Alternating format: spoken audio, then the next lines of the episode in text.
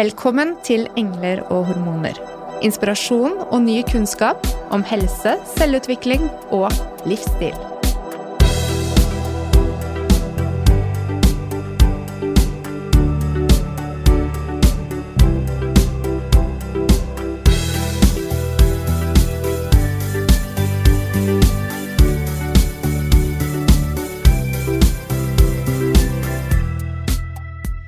Kronisk smerte i vulva påvirker opptil 10% av kvinner.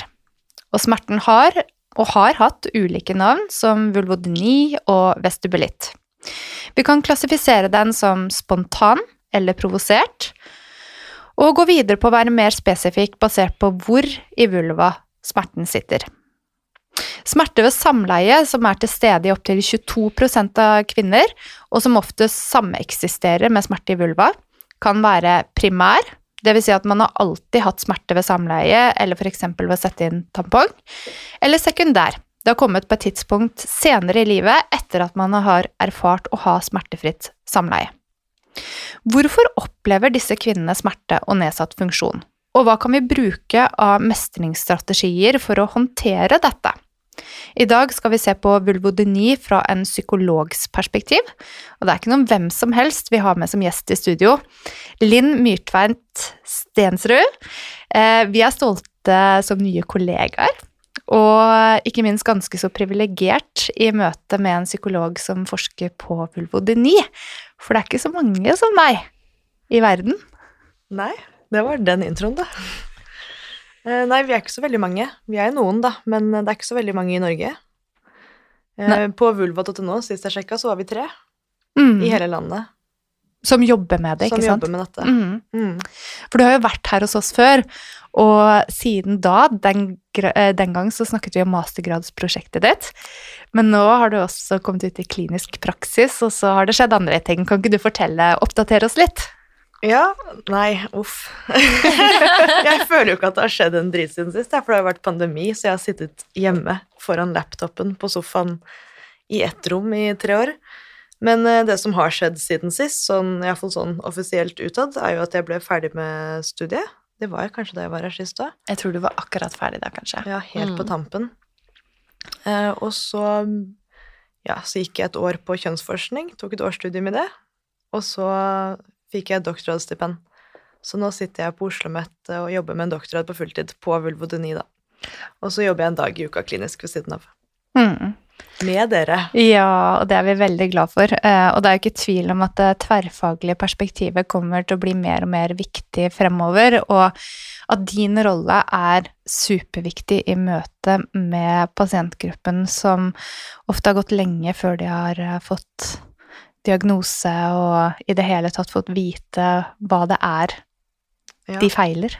Ja, det er jo det. Det går jo ofte lang tid. Og så tenker jeg også at det er enda flere enn det du sa i introen nå. Mm. vi tenker jo det er opp mot 20% kanskje som får vulvodyni i løpet av året, eller i løpet av livet. Og så tenker, vet vi også at omtrent 70% av alle damer får smerter under samleie en eller annen gang i løpet av et år. Mm. Så det med samleiesmerter da, er jo veldig vanlig. Eh, dessverre. Mm. Og så er det jo disse med vulvodyni hvor de har det mer eller mindre hele tiden, da. Og jeg syns det er så fascinerende når vi kaster ut disse tallene, som selvfølgelig ikke sant, Det kommer an på hvilke eh, referanser man viser til. Eh, men i klinikk så opplever jeg at nesten alle kvinnene som kommer med en vulvodyni-diagnose for behandling, eller vaginisme, som ofte er de to som brukes nå, de føler at de er helt alene, og at det er ingen andre som har det sånn som de har det. Mm. Og det, det, tror jeg skyldes veldig mye at ingen andre snakker om det. Sånn, nå gjør jo vi det, og det har vært noen på God morgen Norge og i media og sånn, men det har jo vært veldig lite fokus på det i media. Veldig få som står fram. Det er jo blitt litt sånn inn nå å stå fram en hel del andre ting. Det har vært mye endometriose i media, og det har vært mye angst og depresjon men du ser veldig sjelden eh, alvorlige psykiske lidelser i media. Det er veldig få som står fram med psykoselidelser, f.eks. Og det er veldig få som står fram med egne seksuelle problemer. Mm. Mm. Og hvorfor tror du det er sånn at det er liksom knyttet så mye stigma til akkurat det? Jeg tror, altså ut fra Jeg har jo noen informanter i mitt uh, forskningsprosjekt da, som sier at hadde det vært snakk om infertilitet, f.eks., eller endometriose, så hadde det vært mye lettere å si det til venner og familie. For det første så vet man hva det er for noe. Sånn som endometriose kan jo påvises fysisk. Du kan si at her er det dette vevet, vi kan operere det ut og se på det og ta bilde av det og si at dette er vi 100 sikre på at du har. Med vulvodyni så går det jo ikke an å bevise at man har det, for det er helt usynlig. Det er ingen tester. Eh, Du må på en måte bare utelukke alt annet, og da sitter du igjen med den diagnosen som ikke syns, Mm. og som vi ikke vet hva er forårsaket av. Og så tror jeg at sånn som endometriose er jo litt assosiert også med infertilitet. Og som han ene informanten min sier, da, så er det jo sånn Hvis han kom hjem til foreldra sine og sa at vi sliter med å få barn, så ville de vært veldig empatiske og opptatt av det prosjektet, for de hadde unnet han å få barn. Men det å komme hjem og si at 'jeg får ikke ha sex', ikke sant? den reisen er vi ikke like mye interessert i, da. Mm. Det går på seksualitet og ikke reproduksjon, og da er det mer stigma og skam, tror jeg. Så kan vi forstå smerter i underlivet på en bedre måte. Liksom sånn å snakke om det på en bedre måte enn det vi gjør i dag. Ja, altså det, det håper jeg jo, selvfølgelig. Det er noe av det jeg tenker at vi bidrar til med å ha disse podkastene her. Og så er det jo sånn, sånn som han sa, da, at disse andre lidelsene kan bidra til at vi ikke får barn, f.eks., men mange av de jeg møter med vulvodyni, får jo heller ikke barn av dette. Mm. Så det handler jo om det òg. Og det med å snakke om det på en bedre måte tenker jeg også handler om å snakke litt om hva det faktisk er og ikke er, for veldig mange snakker jo om det som en sånn ren seksuell dysfunksjon. Eh, mens jeg tenker jo mer på det som en kronisk smertelidelse, og det er noe som gir problemer med eh, å gå med klær man er vant til å gå med. Det kan bli vanskelig å gå med bukser, det kan være vanskelig å trene. Det kan være vanskelig å være på jobb og sove, være med på sosiale arrangementer, sitte på en kino. Eh, Noen forteller at det verste de kan gjøre, er å ta flyturer, for de som sitter mer enn en time på flysettet, blir kjempevondt. Og da er det jo ikke egentlig et seksuelt problem. Dette her er jo et eh, problem som går utover identitet og selvfølelse og psykisk helse og hele livet, og ikke Mm. minst arbeidsførhet, da, Mm. som blir et stort tema for mange. Kan du komme litt nærmere inn på det, hva tallene viser eh, når det gjelder arbeidsførhet? Nei, for det har Nei. vi ikke tall på. Det fins ikke. Det fins ikke. Så det trenger vi mer forskning på, rett og slett. Ja, og det er jo noe av problemet, sånn som Nå sammenligner jeg mye med endometriose, for jeg jobber jo mye med det òg. Og Endometrioseforeningen har jo regna på hva det koster samfunnet. Jeg tror de har konkludert med at det er 13 milliarder i året eller noe. Det koster at vi ikke har behandlet endometriosepasienter godt nok. Og med vulvodni så går det jo ikke an å gjøre et sånt regnestykke. For de fleste som er uføre og sykemeldt for dette her, blir offisielt Jeg har fått mitt inntrykk da, de blir offisielt sykemeldt for noe annet. Mm. Og så er kanskje vulvodynien halvparten av problemet, men så står det på en måte migrene. Eller endometriose. Eller fibromyalgi. Eller ME. Ja, Mm. ikke sant. Så vi har ikke den fjerneste anelse. Og det gjelder jo også hvor mange dette gjelder. Vi sier 10% eller 20% eller 15 og sånn, og det sier vi om alle sånne kvinnelidelser. Vi sier det om endometriose, adenomyose, vulvodyni, vaginisme, PCOS, eh, sikkert lipødem, jeg har ikke satt meg inn i de tallene. Men det er jo veldig mange sånne kvinnelidelser som vi sier ca. 15 Ja. Og det betyr jo at vi ikke vet. Mm. Fordi det er ikke studie på dette. Så vi Det er litt sånn finger opp i været og Jeg tror 15% er sånn, det er mye nok til at man da må gjøre noe med det og ta det seriøst. Og så er det lite nok til at man ikke kan bli tatt for å på en måte overdrive det. ja, ikke sant? Jeg tror det er rett og slett så enkelt. Så det høres jo ut som at du, du har jo en massiv jobb foran deg, da, Linn. Ja. Og det du Føler presset nå. kan ikke gi deg nå. Nei, det kan du virkelig ikke. Men du møter jo da naturlig nok på en del også utfordringer eh, med doktorgraden din i det å forske på dette her. Ja, det er faktisk veldig vanskelig. Bare sånn som hva er diagnosen? Mm. Hvem skal inkluderes og ekskluderes fra studiene? Eh, Vi, bare mens jeg har holdt på med det, så har jo diagnosen hett tre forskjellige ting. Og det er ulike diagnosekriterier i ulike land. USA har jo en helt annen diagnose, og mye forskning gjøres jo der. Og det kan jo ikke sammenlignes. Mm. Så man har jo studier. Noen land finner jo at 4% har dette, og andre land finner at 40% har det. Og sannsynligvis så har jo det mer å gjøre med ulike diagnosekriterier, da. Mm. Mm. Mm. Og så vet vi jo ikke hva det er, ikke Nei. sant? Og vi vet ikke hva som skal til for å kurere det. Ikke sant? For vulvodyni da, det er jo som en sånn sekkebetegnelse, litt sånn som IBS, på en måte, hvor du har Mm. uh, utelukket uh, diverse hudlidelser eller andre lidelser som kan forårsake smerter eller kløe i vulva, og så sitter du da igjen med, etter en gitt tid, tre til seks måneder, en vulvodyni-diagnose. Ja. Mm. Ikke sant? I beste fall så får du det etter tre til seks måneder. I verste fall så tar det noen tiår. Ja, ja, ja, det var optimistisk, eh, tenker jeg også, med erfaring fra Men med tanke på liksom, definisjonen av kroniske smerter, da. Ja. Ja. Så absolutt. Og ehm, ja. eh, ventelistene er jo også enorme. Men når det først kommer til helsepersonell, da, Linn, Ja. eh, hva er det vi kan om smerte, og hvilke modeller er det vi setter til grunnlag for å forstå disse pasientene, og gir det mening? Ja, det er jo et kjempespørsmål. Da. Det ene er jo på en måte Skal man forstå det for eksempel som en smertelidelse da, i utgangspunktet? For det er jo ikke alle som gjør det. Noen blir jo behandlet lenge for sant, sopp og hudlidelser og eksem og antibiotika og sånn, før man kanskje etter hvert setter denne vulvodyni-diagnosen, og da tenker man at dette her er en kronisk smertelidelse. Og så har vi modeller for å forstå kronisk smerte, hvordan akuttsmerte blir kronisk, og hvordan kronisk smerte opprettholdes. Og det de fleste helsepersonell er, har lært i utdannelsen sin, da, er denne klassiske fear avoidance-modellen, som veldig grove trekk da, forteller på en måte at når du får en akutt smerte, så si vondt i ryggen, da. Dette her er jo en modell som er utviklet på middelaldrende menn med korsryggsmerter. Mm. Så modellen sier jo på en måte at når, når han får vondt i korsryggen, eh, så kan han håndtere det på to måter. Enten så kan han møte den smerten, gå og ta markløft og tenke at dette her eh, vil gå seg til, og så håndterer han smerten, trener opp, og det forsvinner og blir bedre. Som er det konstruktive, da. Eller så kan han reagere med å tenke at dette her gjorde veldig vondt.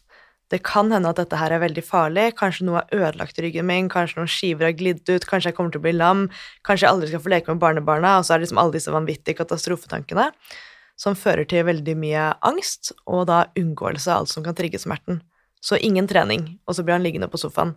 Og når han da blir liggende på sofaen og har vondt og tenker at han ikke kan røre seg, for da gjør det mer vondt, så vil jo det påvirke vevet rundt, og så opprettholde smerten ved at det blir da mer en reell sånn vevstap og muskelsvinn, og du får dårligere rygg, da. Mm. Og da har du en ond sirkel. Så gir det mer smerter, og så fører det til mer og angst og unngåelse, og så har vi det gående. Så dette er en sånn ond sirkelmodell. Ja.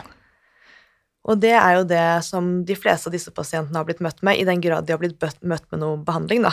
Veldig mange har jo bare fått en diagnose, og så får de ikke tilbud om behandling. Men i den grad de blir møtt med noe sånn smertebehandling, så har det jo vært veldig mye det at vi må eksponere folk. Og da er det jo med ikke sant, alt fra sånn ta to glass rødvin og et langt varmt bad, og så gå og ha sex, liksom. Mhm. Eh, vær litt grann brisen, sånn at du slapper litt av, og så kjør på. Den har jo veldig mange fått, da. ja, eller det skal jo gjøre litt vondt Ja, å ha sex. når du er kvinne, så må Mm. du jo regne med det. Mm. For det er jo vanlig for kvinner å ha vondt under sex. Og det er jo på en måte sant at det er jo vanlig, men det er jo ikke sånn at det burde være det. Det er jo ikke noen fysiologisk grunn til at det skal gjøre vondt. Og det her spørsmålet får jeg noen ganger fra sånn tenåringsjenter. De spør liksom Må det gjøre vondt første gangen du har sex? For det har de lært på skolen. Det lærte jo jeg også i seksualundervisningen. Så prøver jeg å si at hvorfor, hvorfor skulle du gjøre det, liksom? Det trenger jo ikke gjøre det. Det er ikke noen sånn grunn til at det må gjøre det. Det er jo ikke en jomfruhinne eller noe som liksom skal sprenges gjennom og skades, som veldig mange har et sånt bilde av, da. Så veldig mange har jo forventninger til smerte, og Mm. da finner seg i ganske mye smerte over lang tid, da, før de tenker at det er noe galt. Og hva er begynnelsen, liksom? Hvor lenge? Hvor mange? Ja. Det er jo et kjempeproblem, akkurat det der, da, for mange. Og jeg ser jo i mitt datamateriale, da, at eh, omtrent halvparten av de jeg har snakket med, de har denne her gradvis overgangen. Altså at det har gjort vondt første gangen de har sex, og så fortsetter det å gjøre vondt. Og så gjør det kanskje litt mer og mer vondt, og så går de og tenker at det er jo vanlig i starten, men hva er starten? Er det et år? ikke sant? Er det de første ti gangene du har sex, eller er det 50, eller er det 100, eller ti år? Mm. Og så tar det lang tid, da. Og når de da har på en måte tenkt at dette er vanlig, så har de ikke sagt noe til partner. De biter tenna sammen og tenker at jeg må bare tåle dette, så går det sikkert over. Og så blir det verre og verre, og så skal de si det til partneren etter flere år. At dette har egentlig alltid gjort vondt. Og det er kjempevanskelig. Ja. Mens den andre halvparten av de jeg har intervjuet, da, de har hatt en mye bråere start. At det plutselig kommer brått over natta. Og så ser jo vi da i vår artikkel nå at disse to gruppene reagerer litt ulikt. At de som får en sånn brå start, at smertene plutselig kommer, de tenker jo typisk, som jeg også ville gjort, at det, her er det et eller annet, nå har jeg fått en skade eller en infeksjon, eller dette må jeg gå og undersøke. Så de oppsøker typisk hjelp mye raskere, eh, og har en forventning om at dette skal behandles og forsvinne. Mm. Mens de som har denne gradvise oppbyggingen av smerter, da, de tenker mye mer at dette er normalt, og dette kan jeg ikke søke hjelp for, og så går det veldig lang tid før de får noe behandling, og da har det kanskje satt seg i mye, mye av systemet, da. Mm. Ja, det sier litt seg selv, på en måte. Mm. Ja. Og akkurat det derre møtet, da, når du, når du først da for eksempel kommer til fastlegen um, For det er jo gjerne første instans hvor man møter, og hvor det kanskje ikke nødvendigvis er så mye kunnskap om vulvodyni. Det var en veldig pen måte å si det på. um, hvor mye har det å si for veien videre og for på en måte tilhelning, hvis man kan si det sånn? Jeg tror det avhenger veldig fra person til person, men jeg vet jo at for noen betyr det enormt mye. Noen har jo møtt en fastlege eller for så vidt en gynekolog som har tenkt at dette her er ingenting, så det er bare å ignorere, liksom, og det går seg til. Og da går det mange år før de tør å oppsøke helsevesenet på nytt og få en second opinion, selv om det da er noe reelt der. Eh, Så for noen så bidrar det til at de blir skremt vekk, og også fra å søke annen helsebehandling, da. Altså de blir redde for å gå til legen, og går ikke til legen eh, når de har andre plager heller. Og kanskje er det mange av disse som f.eks. ikke tar celleprøve og kreftscreening og ikke sant? Da får du kreft, da, så har det jo Ja. veldig stor reelle konsekvenser, da. Eh, Og for andre så er det nok lettere å riste det av seg, men det man har sett sånn i forskningen, er at det betyr ganske mye om den første legen du møter, tenker at dette er fysisk eller psykisk. Sannsynligvis, tror jeg, da, er jo at hvis man tenker at det er fysisk, så blir du satt inn i et behandlingsforløp, du blir henvist videre, man tenker at dette skal vi gjøre noe med, men hvis det er psykisk, så får du litt den derre Har du prøvd yoga? Ta et langt, varmt bad. Kanskje bare tenk litt annerledes, så går det seg nok til. Det fins kanskje egentlig ikke. Og da er det veldig vanskelig å ta hensyn til det og bli bedre. Mm. Ja, fordi i forhold til hvor stor evne vi har til å ta imot behandling og skape endring, så er det sikkert noen ting vi kan gjøre enten som pasienter eller oppfordre våre pasienter å gjøre som helsepersonell, som, som er grunnlaget for forbedring. Hva, hva tenker du der som psykolog, Linn? Har du noen gode innspill på hvor vi kan starte for å skape god resilience, eller mulighet for eh, tilheling og endring? Og det er også et stort spørsmål igjen, da. Eh, altså, jeg tenker jo kanskje at det aller viktigste når man møter disse pasientene, er jo å ta dem på alvor. Eh, høre på dem og tenke at dette her er noe reelt. For veldig mange har jo blitt avfeid med at liksom, vi ser ikke noe, du har ikke klamydia, liksom, så ikke ta opp tiden min. Eh, Og det om Vi vet jo Det er også noe av det vi argumenterer for den artikkelen vi holder på med nå, da. Med at når du blir møtt med en sånn avfeiing og sier at eh, du tester jo negativt på alle disse blodprøvene våre og alle kjønnssykdommene og sånn, men du fortsatt har vondt, da opprettholder du en sånn trusselmonitorering. Så du går da med i denne onde sirkelen da, med disse smertene, så går du fortsatt og da tenker på disse katastrofetankene og kjenner veldig etter og går og lurer på liksom Ja, de finner ikke noe, og det er ikke klamydia, liksom, og det er ikke sopp, men kan det være kreft? Sant? Og jeg møter jo veldig mange som tror de kanskje har vulvakreft, eksempel, og det er ekstremt sjeldent i den aldersgruppen jeg møter. Men det er veldig mange som tenker kan jo kanskje, ikke sant? Og da opprettholder man den trusselmonitoreringen, kjenner veldig etter og blir kjempebekymra når man da kjenner noe nytt. Mm. Og det bidrar jo til å øke smerte over tid. Så det å ta folk på alvor og i hvert fall gi dem en god forklaring og si at liksom vi har ikke noe god behandling for eksempel hos fastlegen, men vi kan si noe om hva dette er, vi kan si noe om at vi er ganske sikre på at det ikke er alle disse andre tingene du kan bekymre deg for. Bare det bidrar jo veldig til å senke den trusselmonitoreringen, senke stressnivået, som igjen vil ha positiv effekt på smerteopplevelsen, da. Og man har gjort sånne studier borte i Canada, hvis jeg husker riktig nå, hvor de har hatt folk eh, De har tatt inn disse pasientene og bare gitt dem en time foredrag om lidelsen. Bare fortalt dem hva vet vi om vulvodyni, hva er det, hva er det ikke, og bare med det, 60 minutter med det, så har folk blitt mye bedre. Mm. Og det sier, jo, det sier jo ikke noe om at det er innbilt, men det sier noe om hvor mye dette kan opprettholdes av liksom disse tankene om alt det kan være, og alt, den følelsen av at man er under trussel.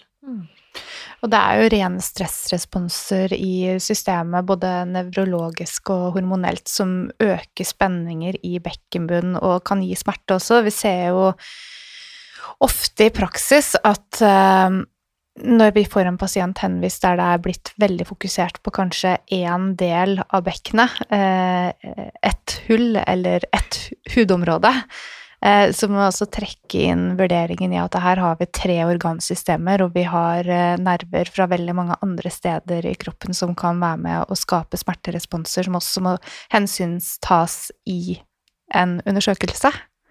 Ja, og det henger jo veldig sammen, dette her. Så hvis du går av vondt, så går det jo som regel og spenner deg også der du har vondt. Og har du vondt i underlivet, så spenner du deg jo også rundt fordøyelsessystemet. Mm. Du puster dårlig, ikke sant, og da har dere noe å jobbe med. Absolutt, og særlig hvis det har gått lang tid, da. Så, så er det eh, eh, innprintet i nervesystemet som en løsning på å håndtere livet, som vi går til, eh, og som vi jeg har lært oss til, og som skjer automatisk. Ja, Så problemet med mm. å gå med dette lenge kan være at det setter seg på en måte nevrologisk eller nevropatisk i nervene, og så setter det seg i musklene, og så setter det seg i pusten, og så setter det seg i liksom alle disse ulike delene. Mm. Men ok, da får jeg lyst til å vinkle ting litt sånn annerledes. Da har vi ulike mestringsstrategier, og hva er det så langt vi kan si om er det, hva, er liksom det best, hva er den beste strategien å velge? Når du har vondt? Når du har vondt. Nei, der, derom strides jo de lærde, da. Mm. Um, nå kalte jeg akkurat meg selv lærd, men det var veldig nydelig. Um, men, og det er det jo. men vi vet jo ikke. altså sånn, Vi som jobber med disse teoretiske smertemodellene, mm. vi har jo ikke landa på en konklusjon, på en måte. Men sånn um, i grove trekk så tenker vi jo liksom, Vi har hatt denne fear avoidance-modellen, som jeg tenker at uh, funker kjempebra på veldig mange, men som ikke passer så godt på kvinner med vulvodyni. Fordi? Eh, og det er jo fordi eh, denne modellen sier jo på en måte at eh, de fleste vil Altså Den tar jo egentlig som utgangspunkt at det mennesker er mest redd for, er fysisk smerte. Så hvis noe gjør vondt, så gjør vi alt vi kan for å unngå det. Mm. Og så ser jo alle vi som jobber med vulvodyni, at de fleste unngår jo ikke den smerten. De biter tenna veldig mye sammen til de får ordentlig sånn må komme til dere for kjevemassasje. Men de fleste gjennomfører jo samleie. De gjør ting som gjør kjempevondt. De fleste unngår jo typisk sånn tampongbruk, trening og sånne andre ting som gjør vondt. Mm. Men de klarer ikke å unngå det der sexbiten. Iallfall de jeg snakker med som er i parforhold, da, de føler jo veldig på den plikten, ikke sant.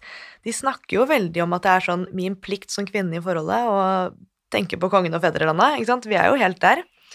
Eh, og jeg må bare ikke sant, Han må ha sex to ganger i uka, så da må jeg bare ligge der og bite seg sammen og holde ut. Og det gjør jo folk ved hjelp av liksom tramadol og Ibux e og Paracet og oksykodon. Altså folk tar jo ganske store doser smertestillende for å holde ut og ha samleie med kjæresten, for de føler at det er de nødt til å gjøre for ikke å bli forlatt, eller at ikke han skal bli sur på henne.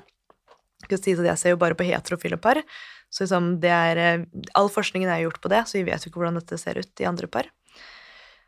Um, men når du gjør det over lang tid, da, så, du, så du, da skjer det jo flere ting. Det ene er jo at du da eh, har mye sex når du er helt tørr i skjeden. Du får mye friksjon. Du kan få sånne små skrammer, holdt på å si. Eh, og da får du jo lettere sant, sopp og plager, og du får smerter som opprettholdes, da, og vevet blir litt skadet. Og det andre er jo at du vender kroppen til å ha sex uten å ha lyst. Mm. Og lystnivået hos disse pasientene er jo som regel helt i bånn etter en stund. Og noen får jo ikke bare mangel på lyst, men de utvikler også det vi kaller seksuell aversjon. Sånn at i tillegg til at de mangler seksuell lyst, da, så får de en sånn helt avskyfølelse av seksuelle stimuli. Sånn, på en måte, I verste fall, da, noen av de jeg har snakket med, forteller jo at de, eh, hvis de skal ta T-banen inn i Oslo sentrum og ser reklameplakater av halvnakne damer, så kaster de opp. Såpass, ja. Mm, så det mm. trigger en sånn ordentlig sånn viseral, kroppslig respons med alt som minner om sex. da. Og det mm. kan være TV-serier, det kan være musikk, og det kan være reklameplakater. Og da blir det vanskelig å dra på jobb, iallfall mm. hvis du jobber i byen. Det er klart. Men også sånn i det relasjonelle at det, at det å få en klem Altså at man unngår det i frykt for at det skal lede frem til mer Ja, når har du sagt A, så må du si B. Mm. Det er jo en veldig sånn klassisk på en måte felle, da, eller hva jeg skal kalle det, som veldig mange går i, at de unngår alle former for intimitet, for det kan oppfattes som en invitasjon til noe som vil bli smertefullt. Som er, ikke sant, I parforholdene så er jo det kjempesynd, for veldig mange av de partnerne eh, savner jo det, kanskje vel så mye som sex, da. Så hadde de på en måte kunnet ha alt annet enn sex, men kunne sitte inntil hverandre og ta på hverandre og gi en klem og alt dette her, så kunne de hatt det ganske fint sammen. Og så kan det være vanskelig, ser jeg for meg, å, ikke sant, å, å, å sette den grensen selv. Så det å da ha en helsepersonell som oppfordrer til å ha en pause fra samleie, men intimitetstrening, eksempel. Mm. Ja, for nå er du inne i nærmere et minefelt. Ja, ikke sant? For det her er jo ikke sant, Veldig mange av disse pasientene setter veldig pris på det når en lege da sier at samleiepause kunne vært kjempefint. Mm. For da kan de gå hjem og si liksom, jeg har fått legeerklæring på at ikke jeg skal ha sex på en stund, og det er så lettelse, og det er så bra, og da kan jeg slappe av og sånn. Og jeg tror jo at en stund så kan det være bra for mange. Særlig hvis du har presset deg mye til å ha sex som har gjort vondt, og hvor du ikke har vært våt og ikke sant, tent og sånn. La på en måte alt få hvile og slappe av og roe seg ned. Men så er jo problemet da, at vi vet jo at det aller verste du kan gjøre med smerte, er jo å unngå det.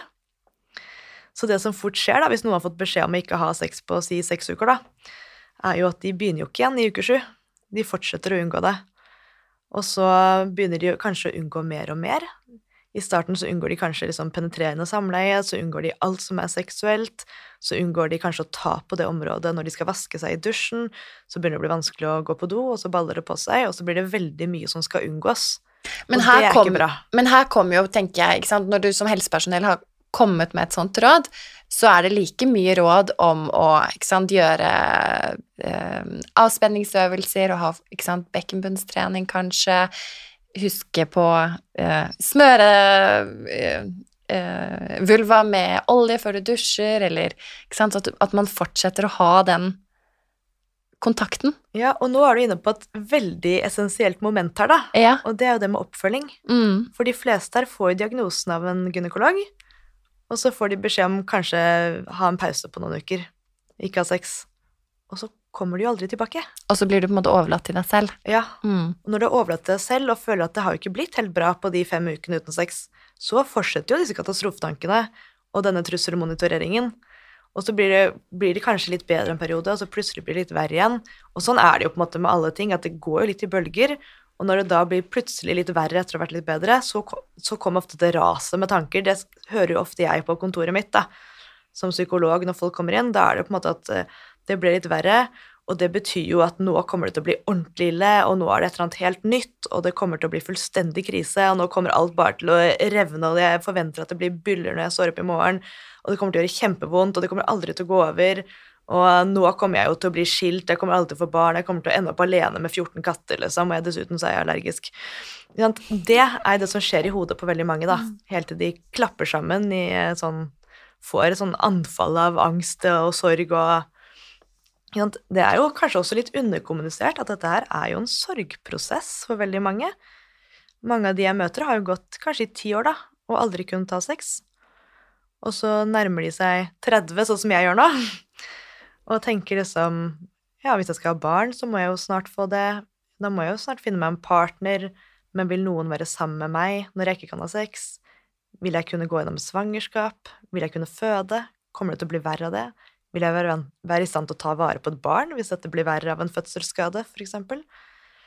Og så føler du jo på en måte at når vi som er rundt 30, da, at alle andre liksom er jo så på plass, og de har funnet seg sjæl, og de har liksom jobb og partner og hus og bil og barn og hund og alt liksom er så ferdig, på en måte. Og så sitter jo veldig mange av disse damene og tenker at jeg har jo aldri hatt sex, jeg har aldri hatt orgasme, jeg vet ikke hvor begynner jeg, på en måte? Hvem er jeg? Hva slags seksuell identitet har jeg? Jeg er ikke helt sikker. Liksom, mange kommer jo til meg og er usikre på seksuell orientering. Lurer på liksom, er det det at jeg egentlig på en måte ikke er interessert i menn? Er det derfor jeg har problemer med liksom, penetrerende samleie? Mm. Kan det hende at jeg er lesbisk? Altså, sånn, disse, det er ganske store sånne identitetsspørsmål da, som kommer opp i kjølvannet av dette. Og det å lufte de, få luftet de, og ikke isolere seg og være alene om tankene sine, er jo essensielt, da. Ja, og så er det jo selvfølgelig fint det, mange som kommer til meg, men jeg tenker jo også at kanskje det beste for mange burde jo egentlig vært sånn, mer sånn gruppeterapi eller Mm. samtalegrupper. Eh, Pasientforeningen, Vulvodniforeningen, de holder jo på å starte opp det nå. Og jeg tenker at for mange er nok det vel så bra som å komme ti timer til meg. Det å få møte andre og få se at du ikke er alene, få høre erfaringer og råd fra andre som har opplevd akkurat det samme, det kan være veldig nyttig, tror jeg. Særlig for den ensomheten, da. Som vi begynte med å si, at de fleste tror jo at de er den eneste i verden som har det, og føler seg så alene, og har ikke noen å snakke med om det. En frustrasjonstanke som også har kommet til meg med jevne mellomrom på kontoret, er at hvorfor skal det være så veldig mye fokus på seksualitet? Mine smerter gir meg andre plager, altså jeg drar meg tilbake fra andre aktiviteter. Eh, og akkurat det med sex, det kan jeg godt leve godt uten. Yeah. Og det som jeg tenker litt på da, når, når du sier det du gjør, at man kanskje opparbeider seg en seksuell aversjon, eller at man ja, ikke har lyst, så, så er spørsmålet skal alle egentlig ha lyst til å komme tilbake til et seksualliv, eller kan vi også identifisere noen andre faktorer som, som kan ligge innunder det å mestre smerte i underlivet? Mm, Jeg tenker det er et kjempegodt poeng. Jeg tror jo at noen av de jeg møter, også kanskje er aseksuelle. Og kanskje det er helt greit at de skal være det. For jeg møter jo folk som forteller at de har jo aldri hatt lyst til å ha sex hele sitt liv, men de føler at de må. Så det er jo et element her av at kanskje ikke alle egentlig vil, og at de skal få lov til å slippe. Og så er det jo mange som selvfølgelig savner det å ha et sexliv, da, eller ønsker seg barn og sånn. Og da er det jo eh, det å mestre det på en måte som gjør at du kan oppnå det du ønsker, da. Men det gjelder jo alt på en måte å tenke gjennom hva er det egentlig som er målet. Er målet å kunne få til å ha penetrerende samleie to ganger i uka, på en måte, eller er målet at du skal kunne være i jobb, eh, ha det hyggelig med venner, eh, ha det fint med en eventuell partner, Gå i Eh, bukse. gå i bukse, Sykle. sove godt, eller kanskje du ikke trenger å sykle og gå i bukser, du kan ha masse fine kjoler. Ikke sant? Så dette her er jo noe å tenke over, da, det betyr jo noe for hva du behandler videre. Mm. Hvis du ikke har lyst til å ha sex igjen, på en måte bare så det er deilig å slippe, så er det jo ikke det man skal jobbe med. Da må du jobbe med finne bedre klær og alternative treningsformer og Mm. andre ting, da. Det er um, a story to be continued, dette her. Eh, og jeg tror fra første stund vi har snakket om Vulvodeni her i podkasten tilbake til, eh, hvis jeg husker riktig, april 2018, da vi hadde Benedicte og Ingvild på besøk. Eh, så er vi åpne om at det er mye vi ikke vet, men vi fortsetter å lete videre Mm. For tverrfaglig samarbeid også, til beste for både mindre smerte og bedre funksjon. Uansett hva det måtte bety for den enkelte kvinne. Ja, ikke sant. Og det tenker jeg er veldig viktig også i disse smertemodellene. For de tar jo for gitt at man på en måte skal få til å ha samleie, for eksempel, at det er sånn typisk sånn aktivitet som trigger smerte, og så kan man få til det med mindre smerte. Mye av dette her også handler jo om på en måte finne ut hva, hva kan man leve med, eh, hva kan man ikke leve med, Mm. hvordan skal man håndtere det? Og det jeg tenker som psykolog da, i forhold til disse smertemodellene, er jo at du må finne ut hva er det folk egentlig er redde for. For disse moderne, eller disse gamle smertemodellene som Fear Avoidance sånn, tenker jo på en måte at fysisk smerte er det vi er redde for, så det unngår vi. Mens jeg tenker jo mange er mye mer redde for å bli forlatt, eller for å bli sett på som sosialt inkompetent sosialt, eller for at partneren skal synes at de er rar eller dum, eller alle disse andre, andre konsekvensene, da. Og da tenker jeg at det er det folk unngår. Og det er jo det som fører til mye av denne utholdenhetsatferden, at folk biter tenna sammen og holder ut. Jeg tenker jo at det også egentlig er en form for unngåelsesatferd, men det er andre ting man unngår. Man vil unngå skyld, skam, dårlig selvfølelse, ikke sant, brudd med kjæresten. Og da tenker jeg hvis det er det du er mest redd for, så er det det du må jobbe med. Mm. Og da er det veldig lite hensiktsmessig at eh, vi som eh, behandlere har veldig fokus på sexbiten. Ja. Ikke sant? Ikke sant? Og jeg, jeg kjenner jo veldig godt igjen det at mange pasienter sier at jeg er så drittlei av at folk skal snakke om liksom, seksuallivet mitt. Mm. Det er jo ikke der jeg er, liksom. Nei. Jeg har lyst til å kunne fullføre studiet og ha på meg buksene mine. Mm. Drit i den sexen, liksom. Det hører jeg mange si. Og så kanskje ikke nødvendigvis smerten heller, med, eh, smerte heller, men stresset ved det du er mest bekymret for. Mm. Ja, mye angst, mye stress, og så er det jo mye depresjon også i den gruppa. ikke sant? Og det er jo denne sorgprosessen også for mange, da, som jeg tenker også vi skal ta på alvor. Det å bli 30 kanskje, da, og aldri ha funnet ut av din egen seksualitet. Kanskje aldri ha hatt en kjæreste selv om du ville det, fordi du ikke har turt å gå på en date for å fortelle om dette her. Eller at du faller ut av arbeidslivet, og livet ble ikke sånn som du så for deg det skulle bli. Mm. Alt det tenker jeg også er ting mange trenger å bearbeide. Det er veldig fint å sette fokus på at det er andre ting enn smerte og seksualitet som nødvendigvis eh, er til stede hos eh, pasienter i denne gruppen, og at det er ok å komme med det som er viktig for deg i en behandlingsplan, eh, slik at den blir skreddersydd til deg. Ikke basert på gamle modeller som passer best på menn i 50-årene, men for deg og det som er viktig i ditt liv. Absolutt. Og så har jeg jo lyst til å legge til at det er jo mange med denne her eh, både vulvodyni og vaginisme som kan ha veldig gode sexliv. Mm. Og det er veldig mye man kan gjøre som ikke trenger å involvere smerte. Det er kjempeviktig poeng. Mm, og du kan ha et vel så bra sexliv uten Jeg tenker mange av de som har Jeg møter jo par også som har hatt dette her i mange år, og så sier de at vi har vært tvunget til å bli kreative, da. Og være intime på andre måter, og det har egentlig vært gull verdt. For da har vi lært oss måte, bedre kommunikasjon, vi har lært oss bedre seksuelt repertoar, som kommer godt med den dagen, ikke sant.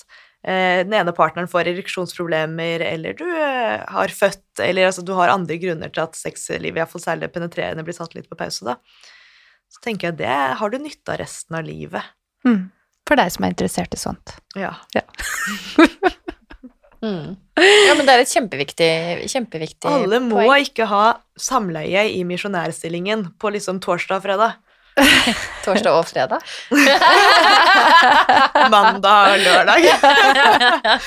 Nei, det er et kjempeviktig poeng, Linn, og, og den forskningen du gjør, er jo så viktig. Um, nå har vi jo snakket litt om én av tre artikler. Hva kommer nå videre? Det, det jeg skal begynne med nå om eh, tre uker, eh, det er eh, Det er å gå mer etter i sømmene disse diskursene i disse parforholdene. For det vi har sett på nå, er jo mye denne her smerteatferden og hvordan opplever disse parene denne unngåelsen og utholdenheten og hva fører til at de gjør det ene og det andre og sånn. Og nå skal vi inn og se på hvordan, hvordan kommuniserer de med hverandre. Hvordan snakker de om dette her. Og det er jo mye av de tingene vi har pratet om nå. Så for eksempel, hvordan snakker vi om sex da, og seksualitet? Hva er sex? Når jeg møter folk som sier at jeg har ikke hatt sex på et år, så mener de som regel jeg har ikke hatt vaginalt penetrerende samleie med en mann på et år. Mm. Ikke sant? Det trenger jo ikke å være en definisjon av sex, men det er ofte det som blir ment med det. Og hva er det på en måte å være kvinne? Ikke sant? Er det å skulle være i stand til å bli penetrert? Ikke sant? Det er en del av diskursen veldig mange drar opp, da. Du skal kunne ha sex, du skal ha glede av det. Og vi har jo kanskje Jeg tenker noen ganger at denne såkalte seksuelle frigjøringen vår har ført litt Gått litt fra at kvinner ikke kunne si ja til sex, til at vi nå på en måte ikke kan si nei. Og at veldig mange føler på det, at de må jo alltid si ja, de må være med på alt. Og de fleste har jo hatt mye sex de ikke har hatt lyst til, mye sex har vært vondt, følt veldig mye at de må liksom Det er jo når mannen kommer at samleie er avsluttet. Så hvis jeg er litt ferdig før det, eller har vondt før han er ferdig, liksom, så må jeg bare holde ut. Så det blir veldig på de maskuline premissene, da. Men samtidig, Linn, så har jeg lyst til å skyte inn dette her. Når du har også pratet med mennene, så har de ikke alltid nødvendigvis kjent på en sånn voldsom em, skuffelse over å ikke måtte ha sex så ofte, fordi de også assosierer jo det mannlige med å ha et ønske om å ha sex. Ja, så her er det noen sånne kulturelle normer da, som mm. står litt i konflikt med hverandre, og som gjør det vanskelig for begge parter. For eh, altså, med de av de mennene jeg prater med, så sier de jo på en måte at de aller fleste sier at det sexlivet er ikke egentlig så viktig. Sånn, jeg ville jo aldri slått opp med henne bare fordi vi ikke kan ha sex, liksom. Det går helt fint om dette varer et år eller tre, liksom, det er ikke så farlig. Så det er jo veldig mye eh, kvinnene selv, da, som føler på disse forventningene, som ikke egentlig kommer fra partneren, de kommer jo fra samfunnet. Og da er vi inne i disse diskursene om hva er det å være kvinne, hva er det å være i et parforhold, og hva burde man tilby, og veldig nesten alle damene jeg har prata med i det forskningsprosjektet her, da, forteller jo eksempel at de har tilbudt mannen å ha et åpent forhold for å kunne ligge med noen andre fordi hun ikke klarer å stille opp. Eh, Og ingen av dem har hatt lyst til å ha et åpent forhold. Så det er noe de gjør bare ut av eh, skyldfølelse, da. Mm. Men der også så er det jo um, For å ta på meg forskerhatten, jeg òg, da. Eh, Og det er jo bare si, det er Ja. ingen av mennene her som har heller tatt imot tilbudet. Ingen av mennene som har ønsket det i mitt prosjekt, da. Og det er også interessant. Mm. Og da for å komme fra sidelinjen med et spørsmål, så tenker jeg da Du har også et utvalg som sier ja til å delta i studiet, ikke sant? Mm. Så det hadde jo vært interessant å gjøre et studie på par som har gått fra hverandre med samleiesmerter, og så sett hva Ja, Ja. hva er det som skjer der? Fordi eh, det, det er jo noe med å stille opp til et kvalitativt studie også, som kanskje predisponerer for at man er positivt innstilt. Ja, og så Vi slet veldig med å rekruttere mannlige deltakere. Alle damene vi spurte om å delta, sa ja, og så måtte nesten alle trekke seg fordi partneren ville ikke være med. Så selvfølgelig sånn De aller fleste menn her har jo ikke villet ønske å delta og snakke om det. Og så kan vi lure på det, da. Jeg har jo ikke snakket med de som ikke ble med, så vi vet ikke hvorfor. Men jeg tenker at det er mange menn som syns dette er fryktelig vanskelig å snakke om. Mm. Kjempeskamfullt. Og når de ikke tør å prate med meg, så har de sannsynligvis ikke pratet med partneren sin heller. For de mennene jeg har pratet med da, i prosjektet, de forteller jo de fleste av dem at jeg er den eneste de har snakket med om dette her. Så de har ikke snakket med kjæresten sin om det. Og det sier jo litt om hvilken viktig eh, rolle det kan være som en sånn fasilitator da, i det å skape en dialog mellom partene, fordi det er jo et parforhold, og man har jo møttes og blitt glad i hverandre, og så er det leit at alle disse ringvirkningene rundt en lidelse skal føre de fra hverandre, når det Ja. egentlig Ja. Og veldig mye av det som er sånn parforholdsproblemene, er jo ting som kunne vært løst nokså enkelt med kommunikasjon. Og det er erfaringen som jeg har fått eh, tilbake i vårt tverrfaglige samarbeid også, Linn, er at begge parter i forholdet har veldig godt av å være inkludert Mm. i et behandlingsforløp også hos deg, og takknemlighet for at uh, mannen endelig fikk noen å snakke med. Ja, vi vet jo at det går bedre uh, når partner inkluderes i behandlingen. Mm. Og så tenker jeg også at man kanskje skal presisere veldig at sånn, vi snakker om det som sånn kvinnelidelse, men når du har dette i et parforhold, så er det jo egentlig et parproblem. Mm. Det er hun som har smerter, men seksuallivet er et parprosjekt. Mm. Og det er paret som har et seksuelt problem, ikke henne. Mm. Mm. Det er kjempeviktig. Og her må partnere ofte komme på banen, og for veldig mange opplever jo på en måte at de prøver å ha eh, andre former for sex, for eksempel, men partneren vil ikke være med på det. Mm. Og det er jo og det er mange grunner til at partnerne syns det er vanskelig òg. Eh, ikke sant? Alt fra liksom skyld og skam og veldig redd for å påføre smerter og alt dette der. Eh, men det er jo veldig mye rom da, for å jobbe med dette her sammen. Men da trenger man at begge kan kommunisere om det og samarbeide.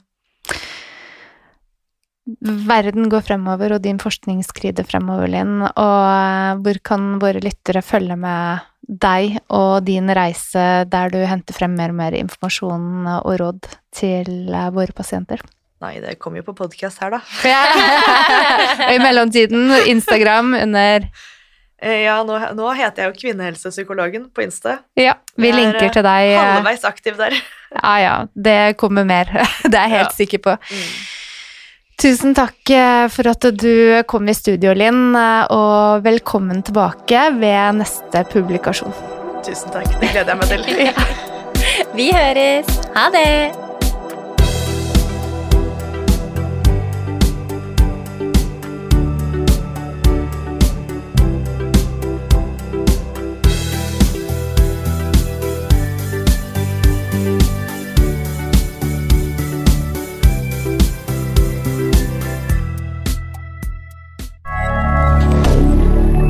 Media.